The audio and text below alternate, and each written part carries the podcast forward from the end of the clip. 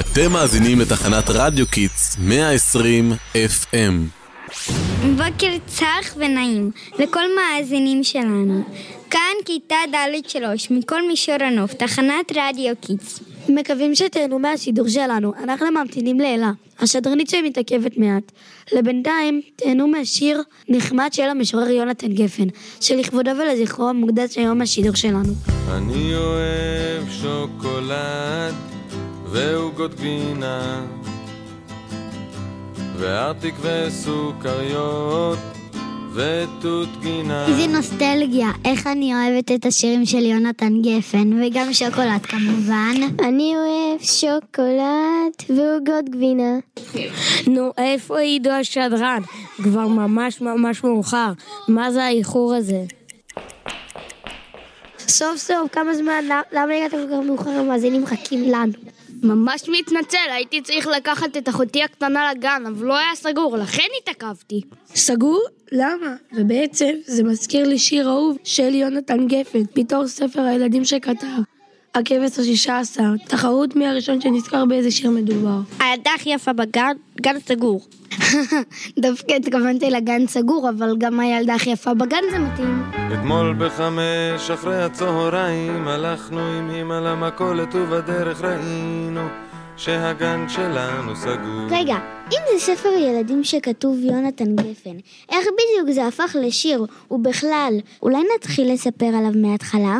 טוב, אז ככה יונתן גפן היה משורר, סופר ופזמונאי. הוא נולד ב-1947 במושב נהלל, שם למד בבית ספר יסודי ותיכון. בשנת 1965 הוא התגייס לצנחנים, ולאחר שסיים קורס קצינים, הוא עבר לגדוד ברק, בגולני.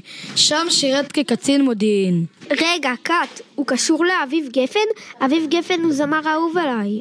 ברור, הוא אבא שלו, וגם של היוצרת שירה גפן. והאמת, כשאני חושב על זה, הם די דומים בסגנון השירה הייחודי שלהם. ספק שירה, ספק דקלום. ועכשיו נזמין לכאן את השדרנים האלופים של כיתה ד'-2. אני בטוחה שיש להם הרבה מה לחדש לנו. אוקיי, אז נחזור לענייננו. מתי אמרת שיוצא לאור הספר השם שלו, הכבש השישה עשר? הספר הופק לאלבום ב-1978 על ידי דודו אלהרר, ובהשתתפות גידי גוב, יהודית רביץ', דיוויד ברוזה ויוני רכטר שהלחין את השירים. וזכה להצלחה אדירה. הם, שנייה רגע, לאן אתה מטפס? אני רוצה להביא מהמדף למעלה את אחד המספרי הילדים שלו, אך אוף, אני לא מגיע, מי יכול לעזור לי? גם עם הסולם לא הצלחתי להגיע. מה הגובה שלך? היי, לא לצחוק עליי. ואז מה אם אני קצת נמוך? צודק, מצטערים, זה פשוט היה כל כך מבדח, אבל היי, להיות נמוכה זו, זו בכלל לא בעיה. וזו אפילו יכולה להיות מעלה מצוינת.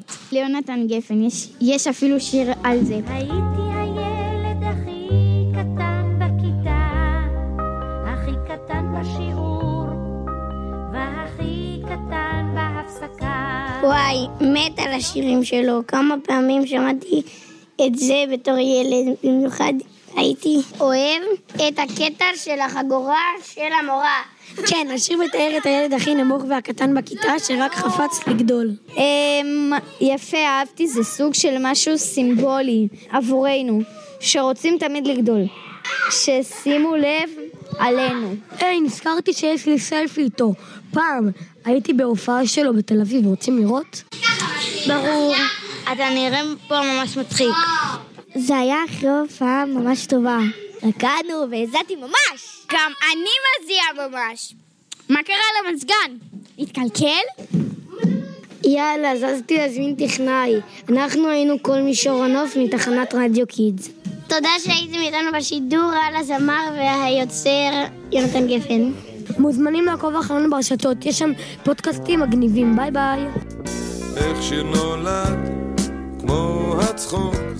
מתחיל מבפנים ומתגלגל החוצה, איך שיר נולד, כמו תינוק, בהתחלה זה כואב, אחר כך יוצא החוצה וכולם שמחים ופתאום איזה יופי הוא הולך לבד, איך שיר נולד,